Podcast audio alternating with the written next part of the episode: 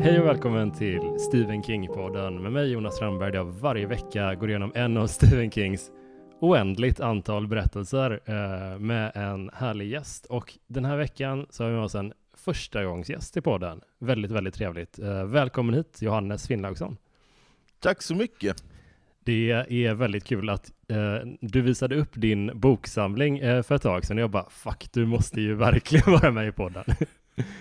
Ja, Eh, det är, jag har en välfylld bokhylla med eh, rätt många böcker som inte har lästs på väldigt, väldigt länge. mm. Eh, Stephen King-böckerna är på nedre hyllor numera, eh, eller det har de nog varit rätt länge också. Eh, och det är inte fullt, eh, jag, jag tror jag rensade ut någon gång när man var yngre. Jag, jag läste honom väldigt mycket, om man ska gå in på det, i tonåren. Mm. Och sen eh, slutade jag läsa i eh, 20, 25 års ålder kanske, något sånt där, jag vet inte. Mm. Men jag rensade ut alla, alla paperbacks och sånt jag hade, så nu är det bara hardcover som är kvar som bara står och eh, tar upp plats. De är ju platsslukare. Ja, de är ju det. Han, eh, han är inte så bra på det eh, korta formatet, eller han är väldigt bra på det korta formatet, men han gillar att skriva det långa formatet. Ja, vi, eh, den berättelsen vi ska snacka om idag, vi kommer återkomma strax till det, men den är ju en av hans kortare. Det är en så kallad, Ja. jag, jag tror att formatet på svenska är kortroman. Eh, Då Mm. snackar vi ändå drygt, Novella två- på engelska. just det, och då är det ändå 200 sidor typ. Eh, Ja precis, det är verkligen så här. du hade kunnat släppa detta som en egen bok. Ja. Vad fan är problemet? är helt normala liksom, böcker som är så långa. Det är rätt trevliga böcker skulle jag säga. Klassiska, många sådana liksom Kafka och sånt är ju liksom, ja de är ju ännu kortare, men det är liksom eh, så konstigt att han bara bestämt sig. Nej men en bok måste vara 800 sidor, annars så, annars så samlar, jag har några här på bara 220 sidor, då måste jag samla fyra stycken och trycka i en bok. Men jag tycker ändå, jag tycker om det formatet på, på en, en bok för att det är så här, eh, om man kan läsa en bok typ över en dag, om man inte har skitmycket på gång, eh, då Mm. är man liksom i världen hela, hela tiden, nästan oavbrutet. Eh, Ja det är det är sant. ju svinmysigt ju. Mm. Men hur, hur hittade du Stephen King från första början? Det är svårt att komma ihåg, för det var så länge sedan. Alltså, han fanns ju som en existerande eh, superkraft när man var liten, typ. Alltså innan jag började läsa så hade man ju koll på hans eh, eh, filmer och skräckgrejer, liksom, tror jag. Att man, eh, när man var i videobutiken så såg man liksom var, eh, så här, var tredje VHS, liksom en Stephen King, eh, djurkyrkogården och sånt där liksom. Mm. Och jag minns att jag såg djurkyrkogården eh, när jag var i den åldern där det är lite spännande att kolla på skräckfilm. Eller så här, inte bara spännande att kolla på skräckfilm utan eh, så här, känns förbjudet. Och eh, som att man var alldeles för ung för att kolla och så här. Så jag såg, eh, nej jag tror faktiskt det kan tyvärr ha varit Djurkyrkogården 2, som väl är en riktig, riktig jävla kalkon. Ettan är väl inte toppen heller från den tiden, men, eh, men eh, jävla tvåan är nog ännu värre. Men jag kommer ihåg en scen från filmen som då någon mer konnässör kan då avgöra om det är ettan eller tvåan. Mm. För det är något att någon mobbare eh, typ hotar med, eller så här brottar ner någon, någon ung, ung kille då antar jag. Eh, och sen så har han eh, en eh, tuff cykel, jag vet inte om det är en mountainbike på den tiden eller om det är en BMX eller vad fan. Men en tuffingcykel i alla fall. Som han sen snurrar på framhjulet så, så att det går jättesnabbt och sen håller det mot den här ungens eh, ansikte så här Ja. hotfullt som fan och sen tror jag kanske han trycker till också. Men sen senare i filmen, va, lite spoiler, så, eh, så blir det hämnd här när, när någon en ondare jävel har begravts eh, i djurkyrkogården och kommit upp och blivit eh, en jävla zombiemördare. Jag tror den sen gör samma mot den här tuffingen, fast med en motorcykel. ja, det här är den enda scenen jag kommer ihåg från, det är Djurkyrkogården 2, 100%. Ja det är tvåan, Ja. okej, ja, jag tänkte det. Jag har så jävla, jag, jag köpte en sån, eh, en, vad heter det, ja men en tvåpack DVD med ettan Mm. och tvåan och det känns så jävla mycket som att tvåan hade inte sålt ett enda exemplar om den inte fanns där. Ja, så det, är- det är ett tidigt minne och sen så började jag läsa honom, jag vet faktiskt inte vilken jag läste först, men jag kommer ihåg att jag läste honom i eh, så här, eh, 13, eh, från 13-årsåldern kan jag tänka mig, 12-13 kanske. Mm. Och sen började läsa och eh, Djurkyrkogården som bok var ju fruktansvärt läskig. Ja, Eh, kommer jag ihåg. den är rå. Eh, och eh, eh, man kommer ihåg att man kände sig stolt sen när man, eller så här, man kände sig lite smart när man läste The Stand på engelska. I extended version, så här, 11 000 sidor. Var du en sån kid som gick om- omkring i skolan med svintjocka böcker och, och Nej, jag var väl inte det. det. Är ju inte riktigt det här att, att det är ju någon sorts blandning mellan att då var det så här, kolla mig, jag, eh, jag läser böcker, men det är också, man läser Stephen King, det är inte liksom, man är inte den här nörden ändå, man vill ju vara lite, det är lite tufft. Det är Ja. lite så här läskiga grejer och så va. Så att, eh, men, men jag kommer ihåg, det var när jag bodde, jag bodde utomlands ett par år eh, i eh, 8-9 i Saudiarabien och då var det, men var det några i klassen så här, det var väl andra liksom 14-åriga snubbar som också läste Stephen King liksom. Så att vi, man hade några att, att snacka med dem om och så vidare.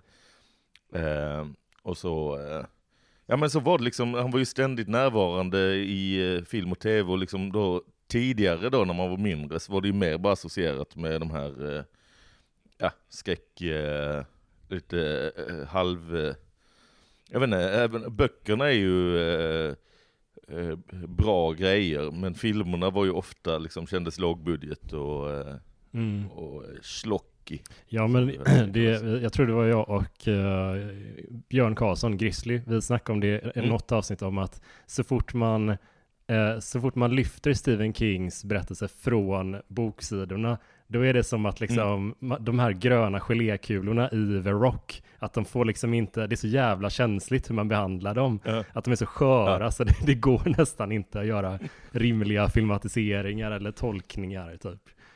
Eh, Nej, det är konstigt. Eller så här, vissa grejer är så här, han måste väl fatta att om man skriver en bok om ett, eh, liksom någon sorts eh, vampyrsekt och sen ska det göras liksom eh, 1987. Det kommer ju liksom, det kommer ju vara trashy och det är väl, vissa av storiesarna är väl lite Alltså- eh, så här klassiskt trashy. Det är, Jag, jag tycker ju synd om Liksom. de uh, skådisarna som spelar vampyrer och har de där jävla tänderna i munnen. Eller att de ska kunna prata. Jävla hemskt. Ja. Fan men, Men, eh, Mm. men och sen denna, det vi ska snacka om idag, eh, dagens eh, eh, historia, dagens eh, bok och film antar jag vi kommer snacka Mm. om lite, eller eh, både, båda versionerna. Alltså filmen där är ju verkligen en sån, eh, som jag inte minns första gången jag såg den, men den gick ju på tv hela tiden, så här, Mm. på TV3 och sen kanske TV6, men det kändes som eh, de Viasat har liksom köpt in den i ett tidigt skede och har så här oändlig visningsrätt. just det. Och då valde att så här, eh, den, den smäller vi upp eh, en söndag klockan, klockan 17. Eh, var tredje vecka ungefär. Det är kul med, Så att det är en film som jag kommer ihåg att man, man såg med polare och sådär, så att massa kompisar, man har ju gemensamma referenser. För eh, liksom, man var väl också i den åldern som de är när man såg den. Om jag eh, gör, matten rätt och minns rätt. Men, eh, eller kanske, ja något sånt. Ehm, så att den är ju, eh, rätt stor del av så här, de första minnena kring Stephen King är ju när man insåg att det här var bra skit. Mm. var ju Stand By Me. ja men det är den och eh, även den andra som folk brukar, alltså jag håller inte riktigt med om just det grej, i den grejen, men att, att folk pratar mycket om Shawshank Redemption som en av de bästa filmerna Absolut. någonsin. Jag tycker den är skitbra, kanske inte Ja. nummer ett, men alltså den är ju fortfarande väldigt omtyckt. Och Ja precis, den är en likable film. Ja, precis. Och den Eh. ligger ju i, vi ska, okej, vi ska prata om The Body eh, och Stand By Me eh, idag. Mm. Eh, och eh, just Shawshank och eh, den, The Body, ligger ju i, i de ligger i samma novellsamling. Eh, Ja. Different Seasons. Och jag, jag läste bara, jag hade ingen aning om det här tidigare, utan jag bara kollade lite, lite innan vi skulle börja på där. Och tydligen så, eh, Stephen King, i början så var han rädd för att bli stämplad som 100% skräckförfattare. Mm. Eh, Det kanske var befogat. Men så han sparade de här eh, fyra då berättelserna som ligger i Different Seasons till, för att de är ganska fria från det övernaturliga allihopa. Mm. Eller det är en, det är fyra stycken historier som eh, kopplas lite krystat till, eh, till årstider. Just det. Eh, och eh, tre av dem har blivit film. Mm. Eh, som är då Stand By Me, eh, som väl var först, sen Shawshank Redemption och sen kom Apt Pupil rätt mycket senare. Lite bortglömd i gänget ändå. Ja, eh, och den är väl, men den är ju inte lika feel good Nej, det, den är som, ganska mörk. som de andra två. Eh, Den handlar ju då, eh, och jag vet inte om ni redan snackat om den, men om en, eh, en snubbe som upptäcker att hans granne förmodligen är gammal nazist. Mm. Och sen ingår i någon sorts konstig samvaro och samröre där han tränas i, av den gubben. Ja, den är skitkonstig. Den är skitkonstig. Ja. Eh, jag, jag tror aldrig jag såg filmen faktiskt. Det, jag tror Eh, att det Jag har bara är... läst eh, boken. Det är väl Ian McKellen tror jag som spelar Dusander, han grannen tror jag. Mm. Så jag är ändå lite nyfiken. Och sen är det inte att, är det inte att han som spelar ungen, det kan vara att jag blandar ihop saker, var en sån här tidigare barnskådis som nu var lite äldre, eller jag kanske blandar ihop helt, och sen tog livet av sig och så finns det lite eh, ryktespridning eller snack i Hollywood om att det är liksom att han regissören var eh, onajs med honom. Ja, fan usch. Ja. Att det, det är någon sån här mitt, jag är oklar, jag kan ha blandat ihop saker och ting. Det kan vara att, att, att det är den regissören men att det var en annan film. Och, jag, jag, jag minns inte riktigt. Det är, eh, håller det osagt eh, mer än det lösa pladder jag redan sagt. Nej, men, Men de tre, de tre och sen är den fjärde som, har- som inte har blivit filmen som heter, eh, som är Vinter någonting. Som är mer övernaturlig. just det, the, the Eh. briefing method heter den. Och det, Ja, jag tänkte fråga dig så här, eh, om, om tre av de här fyra uh, lång, kortromanerna har blivit filmatiserade, två har blivit svinhyllade, den vi ska prata om Mm. idag, och Shawshank. Vad tror du är jobbigast liksom? Eh, att, att, om, alltså nu är det samma författare i och för sig, men tror du det är värst att liksom för the briefing method, om vi låtsas att den har en själ, den berättelsen, och ett Mm. medvetande, eller för Apt Pupil liksom? För Apt Pupil blir ju filmatiserad, men inte särskilt respekterad och typ lite bortglömd. Briefing method Ja. har inte alls blivit filmatiserad, helt ignorerad. Ja, fast jag kollade nu precis innan vi skulle spela in att den är på gång att bli filmatiserad. Okej, Med- okej. Method.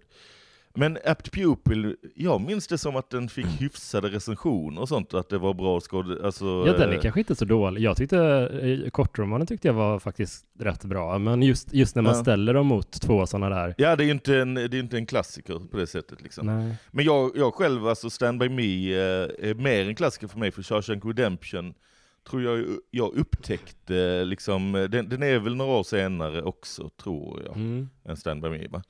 Och sen eh, upptäckte jag den senare, typ, ja men kanske när man var i den, eh, några år äldre än de här eh, 13-14, att man var kanske så här 16 och ville bli så här, eh, kolla mig, jag gillar filmer nu. Mm. Eh, och inte bara liksom eh, polisskolan och, utan så här, nu gillar jag bra filmer, jag är intresserad av bra filmer. Och liksom, eh, detta är kanske ännu några år sedan när liksom DVD kom och så var det på omslaget står ju allt om, eh, på Shawshank Redemption, om Oscarsnomineringar och eh, betyg på IMDB. Var det. Det, jag kan tänka mig att Shawshank Redemption eh, DVD-publicisterna var de första som satte ett IMDB-betyg på, eh, på omslaget till DVD. Den här nya grejen. Jag tror inte Gudfadern jobbade så. Fyra på IMDB! Det hade varit kul om den har så här, Filmen du aldrig, för Shawshank Redemption kändes ju redan då som det var så här jävla obskyr, eller så här. Det kändes inte när den kom som att den var så här eh, superhyllad, utan att det dröjde ett par år till alla upptäckte att jävlar vad den har högt betyg, om all, alla tycker den är ungefär en nia. Ja, Eh, sådär. Ja, den är ju, den är ju så, ja men den, jag tycker om både den och Stand By Me, men höjer Stand By Me snäppet över den då Ja. på något sätt, för den är, Stand By Me är mer ikonisk ja, tycker jag. Liksom. och den är mer, Och- den känslomässigt känns den mer genuin på något sätt, medan Shawshank Ja. känns lite mera en stor film som man tittar på. Uh, Stand By Me är mera, ja men Ja. några kompisar som är ute på ett litet sommaräventyr typ. Ja. Stand By Me är ju lite så här. Eh, den är ju lite eh, övertydlig ibland och liksom eh, lite barnslig i sitt berättande, eller vad man ska säga, lite så... Eh, eh, det är, inte, det är lite tillgjort ibland och så för att det ska vara liksom nostalgiskt och härligt och hur det var när man hängde med kompisar. Men det passar ju storyn, för det är ju det det handlar om. Det handlar ju liksom om ett gäng eh, eh, 13-åringar eller vad de är. Mm. Coming of age-film. Så att det passar ju liksom att storyn är lite mer, eh, är sån som typ 13-åringar tycker är det mest, eh, det djupaste de någonsin sett. Liksom. Ja, och det, det jag tycker det är så intressant för att uh, ja, men plotten är ju typ att det är ett gäng kompisar i ungefär den åldern, 12-13 typ, och de ska, de får höra rykten om att det finns en, ett lik uh, Ja. en bit ut i skogen och de bestämmer sig för att ge sig av och, och leta upp det här som, för att, ja men klassiskt så här, så ett, ett, de har en skit händelselös sommar, de får höra om Ja. något riktigt så här sjukt, fan det där, det där måste vi leta upp. Uh, Ja. Och så följer Och det är man den deras... härliga eh, tiden som jag tror eh, inte barn får uppleva idag. Den härliga tiden när man när föräldrar inte eh, liksom brydde sig ett jävla skit om vad ungarna gjorde. De är borta en hel dag. Ja, är det bara en dag? Jag tror, jag, jag det tror det är typ en, de sover över gör de i och för sig. Ja, Ja, det är de sant. gör de, det. Ja, precis. ö- De, de sitter ju med, med ficklampor och berättar, gör de inte så den grejen? Just De det. väl, har väl tält och grejer? Ja, de övernattar. Ja. För det är ju något, ja de hör, eh, ryktena är, eller de överhör någon, eh, någon eh, en i gänget storebrorsa, har de varit ute, så här, bus, lite äldre busungar, Mm. eller inte ungar då utan bus helt enkelt. Mm. eh, har råkat se då liket från en, någon försvunnen eh, pojke och eh, han verkar då ha blivit påkörd av tåget så att liket ligger ute i skogen. Men de går inte till polisen med det för de hade en stulen bil. Just det. Så då eh, hör de här kidsen det och tänker vi går och hittar kroppen, fy fan vad häftigt. Mm. Eh, vi kommer bli, eh, eh, bli eh, hjältar. Typ. Och så eh, går de och hämtar den. Den heter, ja precis, på, i original heter den ju The Body. Mm. Då liket eller kroppen. Liket Li- Men det är ju så här, eh, jag tänker att de, jag vet inte hur det gick till när de valde titeln Stand By Me för filmen. Mm. För det är lite, Shawshank Redemption har ju lite samma problem, att det är titlar som inte är toppen Mm. av olika skäl. Mm. Original Shawshank Redemption hette ju eh, Rita Hayworth and the Shawshank Redemption. Just det. För att det är en Rita Hayworth-affisch han har i eh, bokversionen. Det, är- eller i, det är en ganska cool titel ändå. Alltså att använda en gammal Ja. skådis eller sångerska. Alltså det, det finns något uh, Ja. snyggt över det. Det finns en Håkan Fast det Nesser. kanske är du- dumt när man gör det till film då, Ja, och det är sen lite den, den skådisen inte är med. Som döper en film till så. Ja. eh, Angelina Jolie och, eh, och den magiska skatten. Så är Angelina Jolie inte med. Så med jävla på falsk marknadsföring.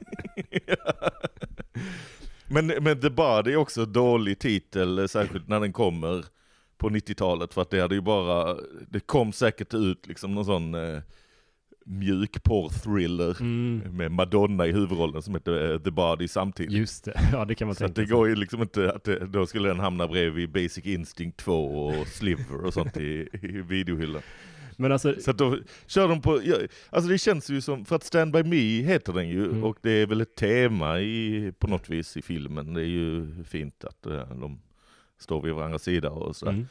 Men, eh, och sen är det att den låten kommer ju, väl, är det, det är väl till eftertexterna. ja de, i ti- de teasar med den lite grann, alltså så här lite introt Ja, tror jag. Den ligger på liksom lite, Ja. pyttelite ganska tidigt och sen så spelar de den inte förrän eh, i slutet då. Men, eh, Ja. men jag, Ja man undrar om de först la musiken och sen kom på att vi kan väl döpa filmen till det då. ja, ja alltså. Jag, Nej jag men det funkar, alltså, det, det, det, det slog mig verkligen hur otroligt lika eh, boken och filmen var. Alltså gud vad de Ja. var mycket paralleller. De är nästan i, alltså beat by beat eh, likadana. Hur kände du kring Mm. Ja. den grejen? Har du någon, föredrar du en av dem framför den andra? eller? Alltså jag, jag, jag minns inte exakt, men jag tror att jag läste den efter jag sett filmen, vilket ju är fel ordning att göra saker egentligen, ja. eh, tycker jag. Eh, nästan alla andra Stephen King har jag först läst boken innan jag sett, eh, eh, även med Shawshank Redemption tror jag jag läste den innan jag såg filmen.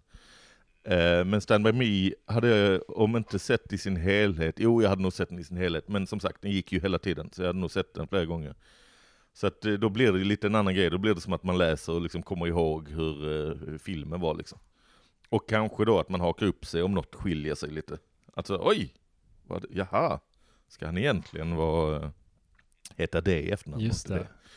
så här skitsmå ändringar. Nej, men- men jag fattar. Men man tänker mer på åt det hållet tänker jag. För det är väl något, det är väl mest i den här epilogen Ja, det skiljer sig som lite. det är något att de gör det lite, eh, typ i boken tror jag, det, det där ska jag erkänna att jag inte kommer ihåg, men som sagt jag bara läste snabbt på Wikipedia precis innan Mm. här att eh, jag tror i boken, det är spoiler nu då va, Mm. men att alla eh, dör, Mm, utom mm, han som skriver den. mm. Nu är det visserligen, eh, det är ju inte i själva berättelsen, för det är ju, den handlar ju om, ja för de som inte har sett eller eh, läst boken, det är ju en, en berättare i nutid, eh, nutid då eh, 90-tal antar jag, eh, som då minns tillbaka när han var ung och de gick på den här Precis. färden. Och det, jag tycker det är en Eh. grej som jag, som jag störde mig eh, lite, lite på, uh, också har lyft det vid andra, eh, när vi har pratat om andra böcker i, den här, i podden, det är när, för han är ju författare som du sa, huvudpersonen, och Mm. berättar om sina minnen. Och då under En här- väldigt vanlig karaktär i Stephen King-romaner. Definitivt. Ibland är det en lärare, för att Stephen King har också varit lärare, vikarie. Men, nej men det, det är ju så, eh, det, det har jag inget emot, det är fine, verkligen. Men det som jag stör mig lite på är när eh, den här huvudpersonens eh, ungdomsberättelser sprängs in i Mm. handlingen. För jag tycker inte de är så bra. Jag tycker de är ganska usla rent ut sagt. Alltså, Vilka menar du? Alltså när han... eh, Eh, pajätartävlingen är ju den som, ja, pajätartävlingen. den kom ju med till filmen. Den tycker jag är, den är ju väldigt konstig. Den är så konstig. Pajätartävlingen. Och den, den är liksom inte... Eh, för den, den kom med till filmen, så det, det är också filmens svagaste ögonblick tycker jag. Så, en film som Mm. över, över, överlag älskar verkligen, tycker allt annat är nästan perfekt tonträff. Och så kommer den här Ja. konstiga historien om den här kraftigt överviktiga Lardass. pojken Lardass som vinner en pajätartävling och alla börjar kräkas på varandra. Det är liksom så, Ja. för den är inte så rolig. Nej, jag håller med när man, i alla fall när man ser den nu, men jag minns det ändå som att när man var liten och så med kompisar, att vissa tyckte den scenen var skitrolig Ja. och citerade liksom. Men den är, jag har tänkt på det nu, jag vet inte, för, för som sagt, det är då eh, Gordy, Mm. Huvudpersonen då, eh, som eh, sen blir författare och berättar den här historien, som i sina unga år då, eh, oj oj oj vad han redan då hade talang för att berätta historier och, och sådär. Mm. Och så berättar han då för de andra, eh, hittar på den här storyn om, om Lardass, mobbad eh, tjockis som hämnas genom att ställa upp i en pajätartävling och vad är det, han, han dricker någon olja eller något sånt där innan för att han ska Mm. vara extra dålig i magen och sen börjar han spy och sen börjar alla spy och alla spyr överallt. Och jag har inte sett den senaste eh, Ruben Östlund-filmen, Nej. Triangle of Sadness. Eh, jag kan inte min Ruben Östlund så bra, jag kan den eh, bättre än kulturministern för jag vet att han är filmregissör. Ja. Men jag har förstått att den filmen innehåller en eh, någon så intensiv spyscen där många spyr. Just det. Och då tänker jag, är det bara att han har tagit liksom Stand By Me-grejen, Mm. Lardass-storyn, men gjort det liksom Det är finkulturellt? ju deppigt om man tar det svagaste elementet i så fall från en i övrigt väldigt fin film. Men jag skulle inte förvånas för att jag har som sagt inte sett så mycket Ruben Östlund, jag tror bara jag har sett eh, den här De ofrivilliga. Ja, en tidig ändå. Ja. Men eh, jag såg till exempel inte Turist. eh, Turist har jag inte sett, Mm. och The- men Turist är sån jag tänker på, att när man hör storyn från den, Mm. Åh, detta är plotten. Så så här, eh, det är då, åh, de är turister på, och så kommer en lavin och så eh, pappan får panik och bara räddar sig själv. Och eh, sen så dör de inte i lavinen men familjen tycker att han är, vilket själviskt as du var som inte ville rädda din, eh, din fru och barn Mm. liksom. Som jag fattar i plotten. Mm. Det är ju exakt plotten från så här sitcoms. Alltså eh, Spin City hade ett avsnitt som var exakt det. Ja. Jag tror Fresh Prince haft ett avsnitt som är exakt det, att någon springer ut ur...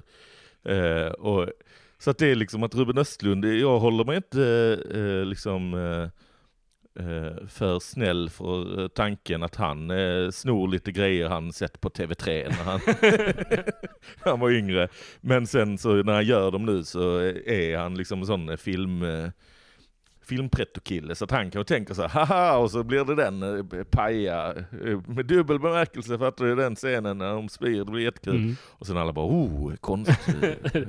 Det är inte omöjligt alltså. Det är inte Nej. omöjligt. Men det, det, har du sett Turist? jag har sett Turist eh, och jag håller med dig. Jag tänkte precis att den, den är, kändes som en jag tyckte den var helt okej, men den kändes som en, en riktigt bra bortslösad stand-up-premiss. Eh, Ja. Både vi håller på med stand-up också, så att man, man Mm. tänker lite ibland i de banorna, fan vilken rolig idé det här hade varit. Ja. Eller liksom, vad, vad händer sen? Alltså hela den Ja precis, utgångspunkten. att det skulle bli, bli mer comedy av det Ja, kanske. exakt. För det, det är väl någon sorts lågmäld eh, humor om man, eh, eller? Är det tanken?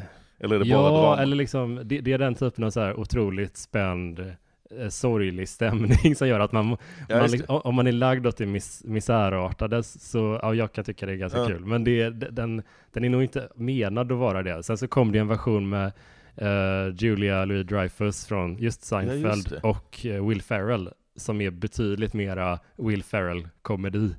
Eh, ja, så ja. den, ja, men det kan jag den är ändå liksom, men där tycker jag nog den tappade ändå lite på något sätt eh, Ja. i översättningen. Men Ja, det låter lite billigare, för då, för då som sagt så är den rätt basic. Eh, Som sagt, eh, i Spin City så kommer jag ihåg att den stora revealen, för där är det att då, eh, det är väl Michael J Fox karaktär, innan han byts ut mot Charlie Sheen sen eh, som en annan karaktär. Men Michael J Fox är så här hjälpreda, höger hand till borgmästaren som är en, en eh, idiot. Och det var Spin City, liksom övergripande storyn. Och så är det något avsnitt då där, eh, jag tror det är att liksom någon smällare går av. Så att folk tror att det är ett attentatsförsök mot borgmästaren. Och då så finns det då filmat när man ser att Michael J Fox karaktär liksom bara dyker ur bild liksom. Han dyker absolut inte för att skydda borgmästaren.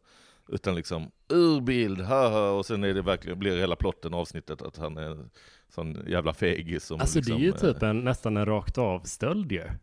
Ja. Vilket skop. Förutom att här, nu vet jag inte hur det är i Turist, eh, men eh, det är ju en väldigt snygg reveal sen i Spin City, som eh, Ruben Östlund, eh, även om han eh, lyckades sno den då, eh, det tror jag inte, för då, eh, eh, för detta är liksom för snyggt, det är det som gör det bra tycker jag. Att det, jag tror de kanske till och med gör en tvådels eh, avsnitt av detta, för att revealen blir sen att det, de hittar någon annan kameravinkel eller något. Eh, att han dyker ur bild från borgmästaren för att skydda eh, vad nu, någon sekreterare eller något sånt där. Ah. Som han är liksom, det är den stora will they won't they. Ah. Det, det är liksom seriens Ross och Rach. Okej, okej. Alltså att han, han dyker undan för att rädda henne. Ja.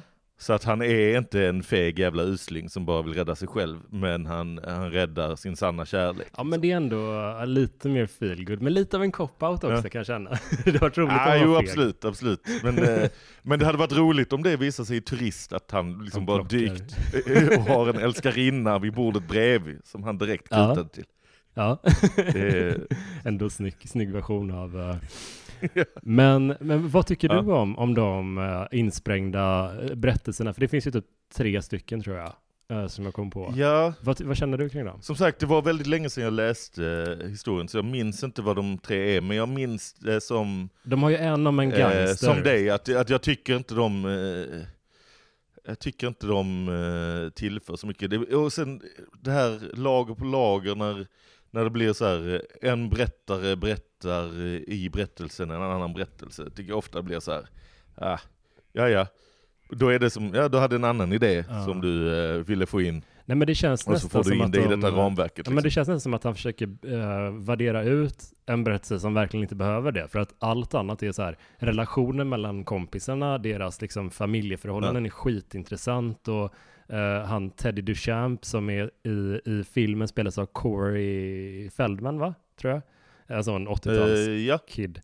Ja. Eh, han har så här glasögon och uh, någon typ av öronskada. han har fått örat eh, bränt Just det. eh, av sin farsa. Ja, precis. Och hans Eller story är ju så jävla eh, intressant och, och man bryr sig Mm. verkligen om hans story och även, även all, alla kompisarna har ju sin... Ja, River Phoenix eh, Precis. storyn är. Ja, eller alla, och Gordy. Ja, ja. Sen minns jag inte vad, vad den här eh, tredje Vern har för, eh, om han, vad hans tragiska Det är backstory väl att han är lite överviktig. han är tjockisen i gänget. Det är, det är liksom, han, han bär sitt, eh, sitt trauma på utsidan på det sättet. Att han har liksom, li, ser lite plufsig ut när, eh, när eh, t-shirten sitter tajt. Det liksom räcker gott. Den andra har liksom en alkoholiserad galen farsa som sagt bränna av hans öra. Eh, huvudpersonen eh, har en storebrorsa som dött och föräldrar som, eh, som säger att det borde varit han. Ja. Eh, och eh, eh, den här River Phoenix, vad heter han nu i filmen? Eller i boken? Uh, ja. ja. Den karaktären i alla fall Mm. är ju så, åh värstingungen som alla, alla vet är värsting så att eh, ingen tror på. Just det. Eh, sådär. Men alltså jag tycker... Men ja, det, för honom räcker, för, för Byrne räcker det att vara lite plufsig. Nej men jag, jag Det tycker nästan att filmen är, eh, nu har jag precis samma grej som dig, att jag lä, eh, läste boken efter att jag sett filmen typ så här 10 eller Mm. 15 gånger säkert. Så, så man kunde Mm. allting nästan.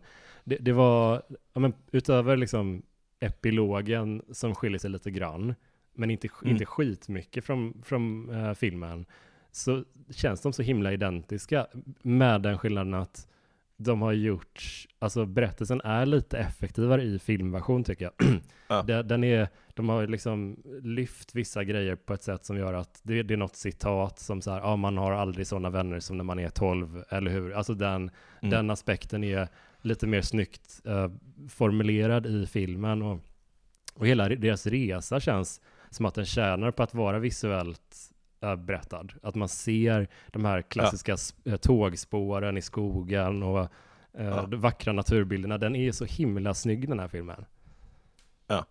Och den är ju väldigt, eh, när alltså Stranger Things kom för några år sedan och var eh, väldigt Stephen King-inspirerad så Mm. var det ju delvis då eh, eh, It, det inspirerad, men också visuellt, eller så här, det, är ju liksom Stand By Me-känslan. Ja, Att det är de här kidsen i den åldern som har sina egna äventyr liksom. men Eh, förutom att eh, här så kommer det inte någon jävla eh, interdimensionell eh, eh, drake. Nej, och det är så jävla skönt för att Ja. ibland så har folk pratat om att, eh, ja men så här kritiker nämnt att Stephen King är så här, han är, han, han måste bita sig i handen för att inte slänga in Ja. en jävla demon eller sådär. Men här, Ja. här, Att liksom inte så här tåget, eh, de upptäcker att tågrälsen är hemsökt. Ja, exakt, en sån jävla- ett monster. som- Men det- det liksom, men det faller sig så naturligt. Alltså man läser den här, Ja. det, det känns aldrig som att han försöker antyda någonting. Det finns några, Nej. några kul grejer. Jag tycker om att prata om så här crossovers i King, Kings böcker. Han, De Mm. nämner eh, när de ska fly från den här grannens eh, hund som har ett Ja, rykte om sig att vara en riktig sån byracka, byracka, men så är det typ en golden retriever egentligen. Sick balls, Ja. det klassiska eh, buss på kulorna. Ja, typ. den är så, eh, och då, då nämner de liksom att ja men det är ingen som har haft ett sånt rykte, eh, så- ja, men det här var en, och, då, och det här var 20 år innan Ja. eh, Cujo typ. Eh, Ja, just det. Och det är också i Castle Rock tror jag då. Ja precis, den utspelar sig i Castle Rock, hans fiktiva eh, main. Ja men hans lite Eh, snällare eh, Ja, fiktiva, precis. han har ju även eh, eh, Derry som är lite mera riktiga, där, alltså där It Ja. utspelar sig till exempel och Ja. Och så, uh, vilken är det mer? Uh, ah, är seg, seg i skallen idag. Men han, han har ju sitt lilla universum ändå.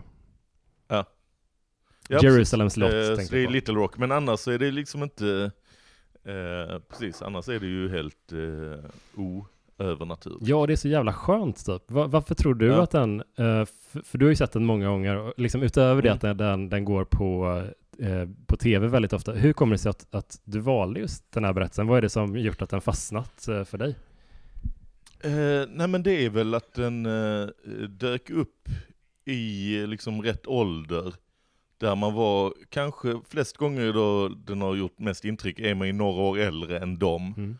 Men man minns tillbaka så, hahaha, ja så höll man på när man var 12. Mm.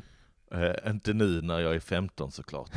Det är en helt annan människa, nu är jag vuxen. Men oj oj oj, man minns vad man höll på Mm. med kompisar och så vidare. Så jag tror den är väldigt liksom, och sen är den ju väldigt väldigt snygg och väldigt bra berättad och väldigt liksom, eh, ja, men bra, bra små stories i den liksom som eh, det blir ju, det blir ju eh, mer effektivt och bra, välberättat, liksom de som inte är liksom de fiktiva storiesarna, utan mer de flashbacks, eller kanske inte flashbacks, men när de berättar om, eh, ja men han berättar om eh, sin eh, döda brorsa, eller han berättar om eh, när han stal mjölkpengarna från klassen, han här eh, River Phoenix eh, eh, karaktären och så vidare. Eh, så att de är ju väldigt väl invävda, så det är väldigt bra så här enstaka grejer, och sen liksom det roliga snacket liksom när de snackar eh, liksom eh, om varför långben, och vad, är, vad fan är långben? Musse är en mus, Kalle är en anka, vad är långben? Är han en hund? Men han, han har ju, de har ju plut, och det är helt sjukt Ja. alltså. Eh, Det är ju verkligen sån, det är ju en, en ståupppremiss ungefär, fast det är verkligen sånt samtalsämne man bara köper och liksom Ja. 12-åringar sitter Ja och verkligen. diskuterar detta Det, på det är lite så här clerk. Det är kul att du säger att just att man köper att 12-åringar sitter och diskuterar, för jag tänkte på typ Cler- Ja, ja, men det gör man ju äldre. ja, ja. Och vi skulle Det kunna är ju lätt verkligen kunna... bara slacker, det är det, är det sköna att, vi- så här, vi behöver inte prata om något viktigt. Nej. det är mycket intressantare att prata om, eh, om Pluto och knasiga lång- grejer som man går och funderar på. Liksom. Nej men den är, den är så otvungen och det, den, det känns in, nästan inte som att se en film typ, känner jag. Alltså, Nej. och det är en sån film som bara har, uh, just att King är så jävla bra tycker jag på att få en att Ja, han, han är bra på att prata om döden på ett sätt som gör att det inte känns Ja. ångest, bara ångest och nattsvart, utan man får lite så här, ja, fan, det här, det, här är, det här är ett bra sätt att snacka om det på, för att det är, många författare går in i bäckmörkret för mycket, att det inte finns något hopp, eller alltså att allt är bara kört typ. Du menar inte Beckmörkret som eh, filmerna om Beck? att det är väldigt grått och regnigt, Ja, hela sen är tiden. det paus för nyheter. Jävla Stockholm. det är Beckmörkret. Fy fan. Ehm, nej, ja, nej, men jag håller med att han är, är jävligt bra. Och Stephen King rent allmänt så, som sagt, eh, jag var ett enormt fan av honom och läste eh, alla böcker eh, under en eh, kanske tioårsperiod eller något. Eh, sen så tycker jag att hans starkaste grejer är dels när han pallar hålla det kort. Eh, eller så här, som till exempel i denna här, när han springer in de här andra storiesarna, är det ju säkert för att han i sitt huvud så bara Fan den här historien är bara 190 sidor lång. Ja.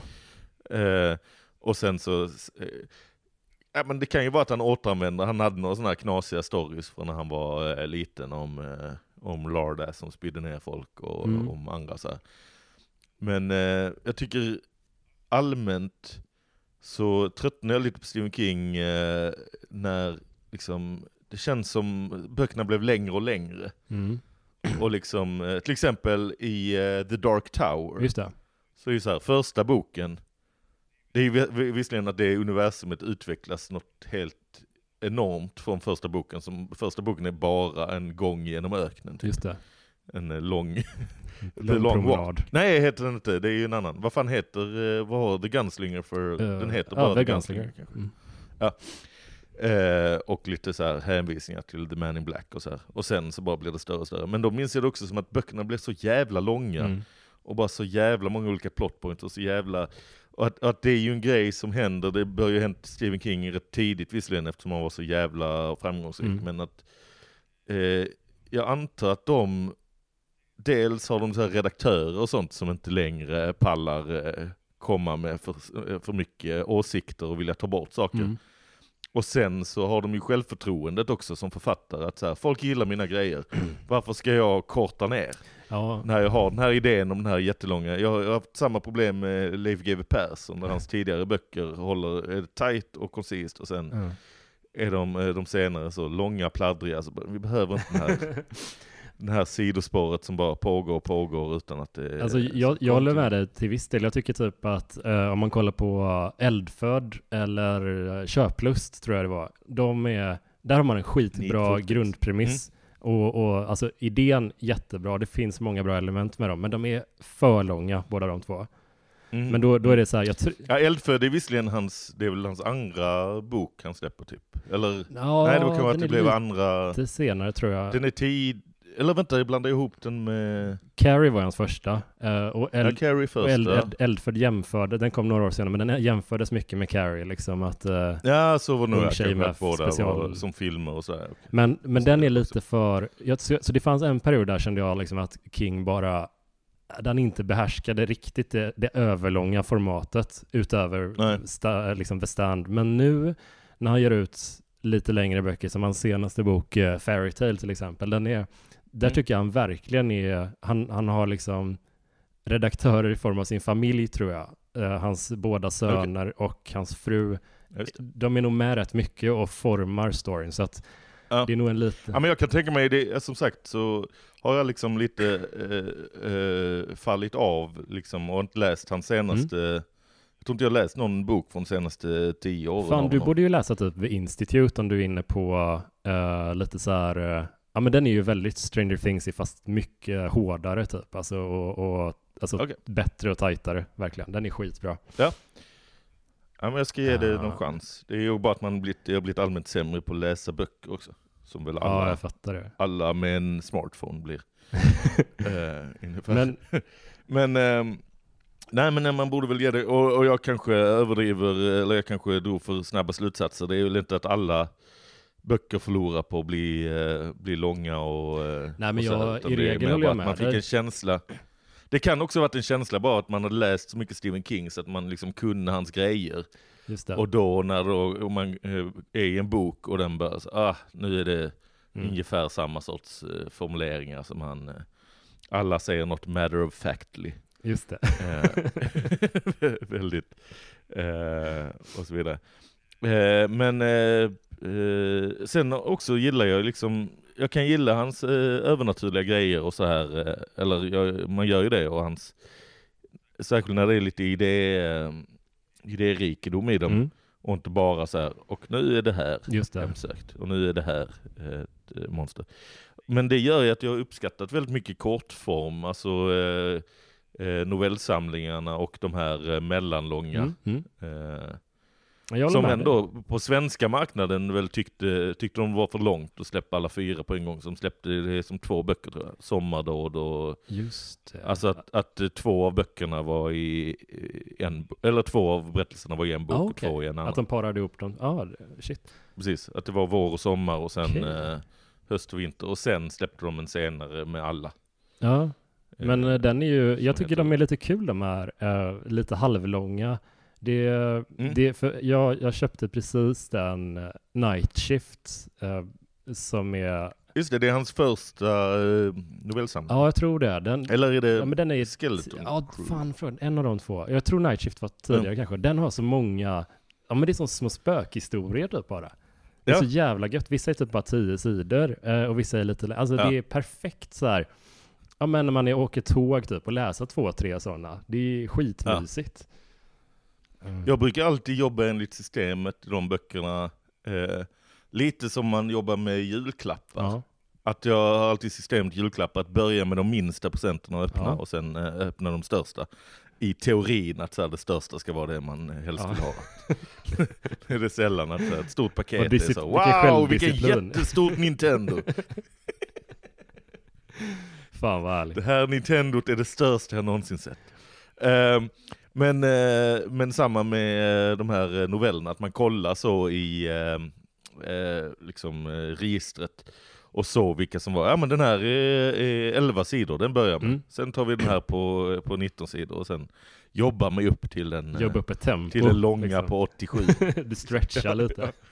ja precis, Men, kommer in i det. Men om man, okej nu är det ju konstigt, det här är ju känns som, om man har se- sett en King Story i något format så känns den här som att väldigt, väldigt många har sett den här. Men Mm. vem skulle du annars rekommendera den här berättelsen till? Bok, film, alltså Stand By Me. Vem, vem ska se eller läsa den här? Det är väl folk som eh, eh, nyligen upptäckt att de gillar eh, typ Stranger Things. Mm. Fast, fast visserligen, de ska ju gilla Stranger Things innan det urartar. Just det. Eh, så här, de ska gilla mer vibben, viben kring, eh, kring Stranger Things. Så att eh, annars kommer de bara sitta, det är kanske kul om de sitter på helspänn och bara väntar på att när, när blir det när blir det Stranger Things-igt här? Blodiglarna är Nej, det den blir det inte, det är bara vibben. Om, om man gillar liksom bara häng. Jag vet inte, och sen är det liksom... Eh, ja, jag vet inte, för att... Eh, mm, det är väl också att man ska vara, fast visserligen det bör ju inte vara så åldersbaserat eftersom vi själva är inte i samma generation som de eh, kidsen. Mm. De är, vad är det, 50-tal då eller? Eh, sex, tidigt 60-tal tror jag. Tid 60-tal. Ja just det. Eh, och de har ju en massa referenser man själv inte hade om eh, så här, eh, Disney, Disneyklubben. Just det. Vi hade ju Disneyklubben också, men det var en annan Disneyklubb. Med Det Alice varit Bah. kul om man gjorde en svensk version och de sitter och pratar om, eh, om eh, Alice Bah Kuhnkes patta.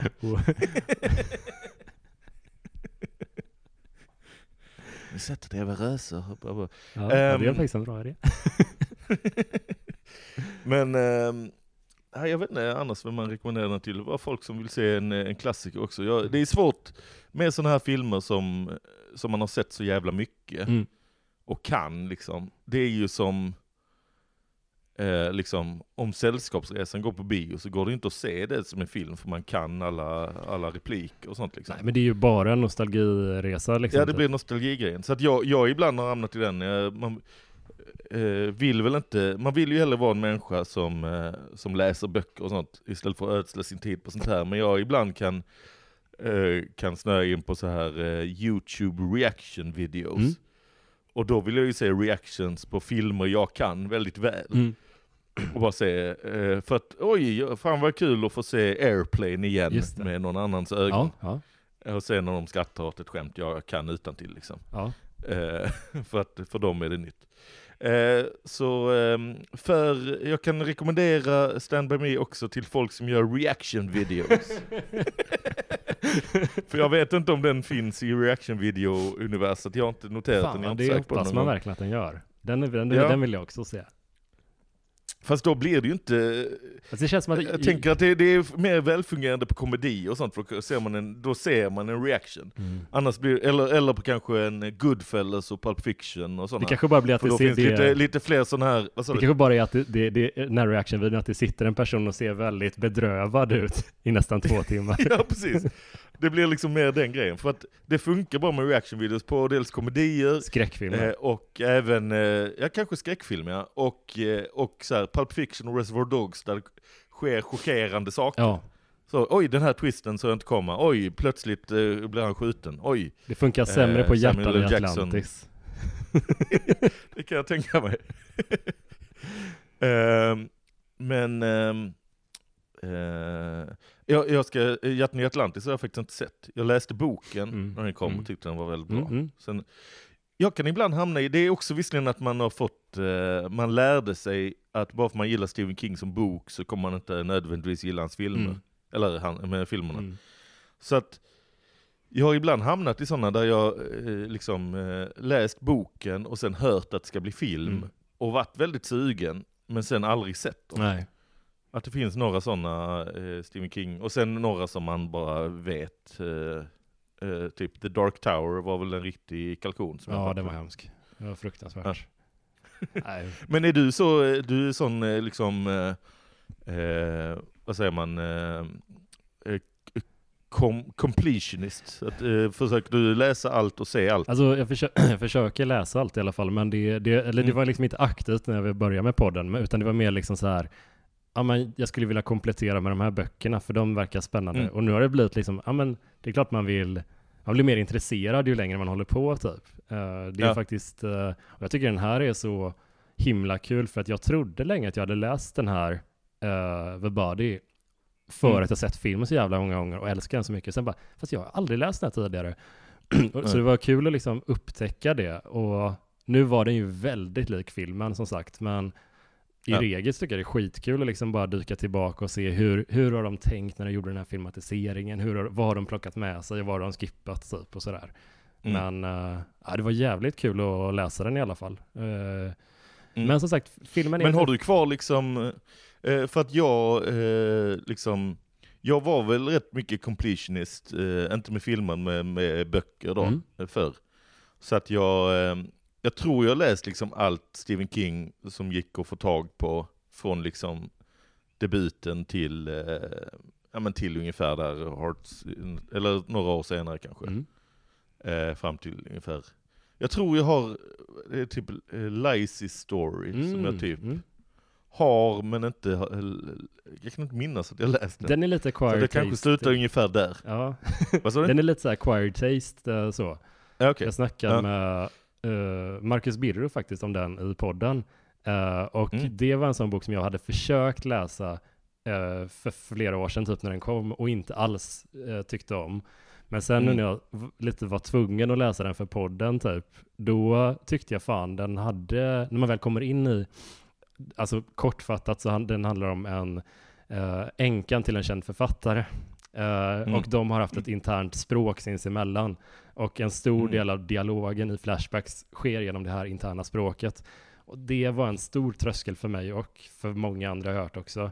Men när man väl... Är det liksom att man själv ska få, få luska ut det språket? Ja, det är lite så här... Är det som liksom rövarspråket i Kalle Blomkvist? Att så här, eh, Alltså det är inte hundra procent eh, obegripligt, men det är lite eh, så här, eh, lite tröskel kan man säga. Alltså man tycker det är lite irriterande om man inte är väldigt öppen som person och verkligen, jag, jag tyckte den var Ja. lite svår, men den, den är verkligen jättefin när man kommer förbi det.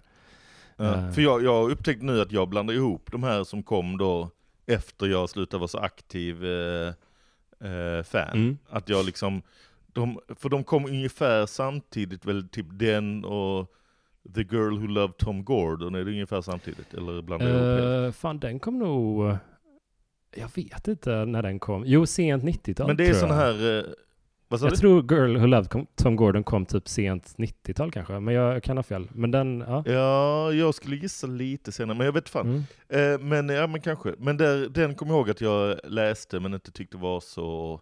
Det var väl också det här, eh, det här hindret att det är eh, Tom Gordon som är väl någon... Eh, Baseball. eh. ja precis, bara baseball. Eh, det, det gör ju att det känns inte, alltså man kan läsa Stephen King eh, eh om liksom vampyrer och, och hemsökta eh, skrivmaskiner och sånt va. Men det är fortfarande ett hinder att, eh, att försöka tänka sig eh, världen där baseball är något. där det är en Mm. viktig del av, eh, Ja, av samhället. säga det hur många gånger som helst. Nej precis, min, min fantasiförmåga, även om folk påstår att det är jättestort i USA, att alla Ja, amerikaner ju bara hänvisar till det hela tiden. Så, så min fantasi sträcker sig inte så långt att någon jävla eh, cricketsport ska vara, ska vara en, eh, en liksom bärande del av Det är någonting. fan obegripligt. Men jag, jag, jag har märkt en sak, eh, att, oj shit vi har poddat i nästan en timme. Eh, vi kan rappa lite kanske. Jag, Ja, jag men märkte vänta, jag ska att, det, det jag skulle komma Ja. till innan var att, ja, förlåt. det är inte så viktigt visserligen, men att du då, om du inte var completionist innan, Mm. Då är det ju härligt att du har kvar liksom grejer, både lite nyare och äldre grejer som du kan hoppa Mm. lite fram och tillbaka med. Jo men, det, men så är det ju. Man har ju ett gäng så här pocketar från alltså, flera år sedan och Ja. Som, eh, det är lite fint och alltså många grejer ligger typ i flyttlådor och sådär för att man, Ja. ja. Men det är, det är väldigt mysigt och, Ja. och Jag är mer göra. att om Ja. jag ska ta upp det igen så är det från en sharp cut-off point där ungefär vid, eh, ja. vid dem eh, där och sen allt fram så man bara, när man kollar på listor nu är jävelen vad många böcker. det är så jävla, det är ju två om året, det är två romaner om året. Han gör väl två om året och sen bara plötsligt kommer det sen eh, något så här lite hemligt. Och sen kommer de här, nu släpper jag de här nio böckerna under en annan pseudonym som jag skrev eh, medan jag hade, medan jag hade två veckor ledigt mellan de två andra romanerna. Ja, är, han gör nästan inget annat. Det är jättekonstigt. Han bara liksom, eh, jag jag tänker att hela hans tillvaro är bara eh, jag tänker fortfarande att det är skrivmaskinsplinget. Att det är som eh, långben på julafton med bara brr, pling, brr, pling. Bara pågår. oavbrutet i eh, 16 timmar per dygn. Nej men det, jag tänker att om han skriver på skrivmaskin så här, han avslutar en roman, river bort sista sidan, sätter direkt i ett blad och börjar skriva på nästa roman. Fina Stephen King, fina Stephen King. Men det är många i, eh, jag har först fått höra flera reaktioner i alla fall, att det är många som inte håller med mig om den här berättelser i berättelsen, att många tycker Nej. om det. Många är förtjusta i typ uh, Misery, eh, Billy Summers, eh, som har liknande grepp. Mm. Så jag tycker att Ja det- just det. Men Misery, där är det ju invävt i hela storyn liksom. eh, Ja, där är det mer rent visuellt tycker jag, att det Ja. ser lite fult ut när, och så tappar han, alltså det saknas tangenter på skrivmaskinen och det saknas tecken då i, alltså jag, jag tycker det Ja, är så irriterande det. att läsa. Just det, Det är jobbigt för ögonen. Ja, just det. Den, Men det är den, många som, eh, eh, Den lilla grej, den lilla gimmicken hade jag glömt. Jag stör mig jättemycket på det. Men, Ja. men många gillar det och ni får jättegärna diskutera det i uh, Facebookgruppen om, om den här podden som heter Stephen King-podden Eftersnack. Mm. Eh, och diskutera gärna i övrigt filmen versus boken, uh, Stand By Me, The Body. Vad, vad tycker ni, liksom, hur har de lyckats med översättningen och, och sådär. Uh, fan, eh, vad Och kan om man... vill eh, föreslå eh, andra spån, om ni vill grotta vidare i eftersnacksgruppen, Mm. så, Mm. så föreslår jag mer snack om sekten River Phoenix växte upp i. oh, Gå vidare med den. Det låter Klicka, spännande. gå in på Wikipedia, läs om Stand By Me, klicka på River Phoenix, klicka på Children of God och så vidare. Oh, gud, Det det, känns som en Wikipedia-grop eh, man kommer ramla ner i. Men du, du har ju en svinbra podd som heter Palmemords, uh, Palmemordspodden. Ja, tack som fan. Eh, den finns ja. Eh, mot all förmodan så finns den podden fortfarande och igen. Eh, eller den eh, började för länge sedan, hade uppehåll, började igen för något år sedan och finns än så länge fortfarande på underproduktion.se pmp. Ja. Eh, den finns också, där kostar det 29 spänn i månaden för att man får eh, jättemycket bra podd för de pengarna. Men den finns också, det finns en gratis feed eh, där det kommer ett avsnitt i månaden Mm. istället för avsnitt och innehåll eh, hela tiden som i den andra feeden. Fan vad nice. Alltså, Men du, man kan hitta Palmemordspodden, sök på Palmemordspodden, inte Palmemordet som är en annan podd, utan Palmemordspodden där jag snackar med olika människor, ofta komiker, men ibland eh, andra människor som eh, har koll på läget, om olika spår och eh, knasiga saker kring Palmemordet. Så den får man jättegärna lyssna på.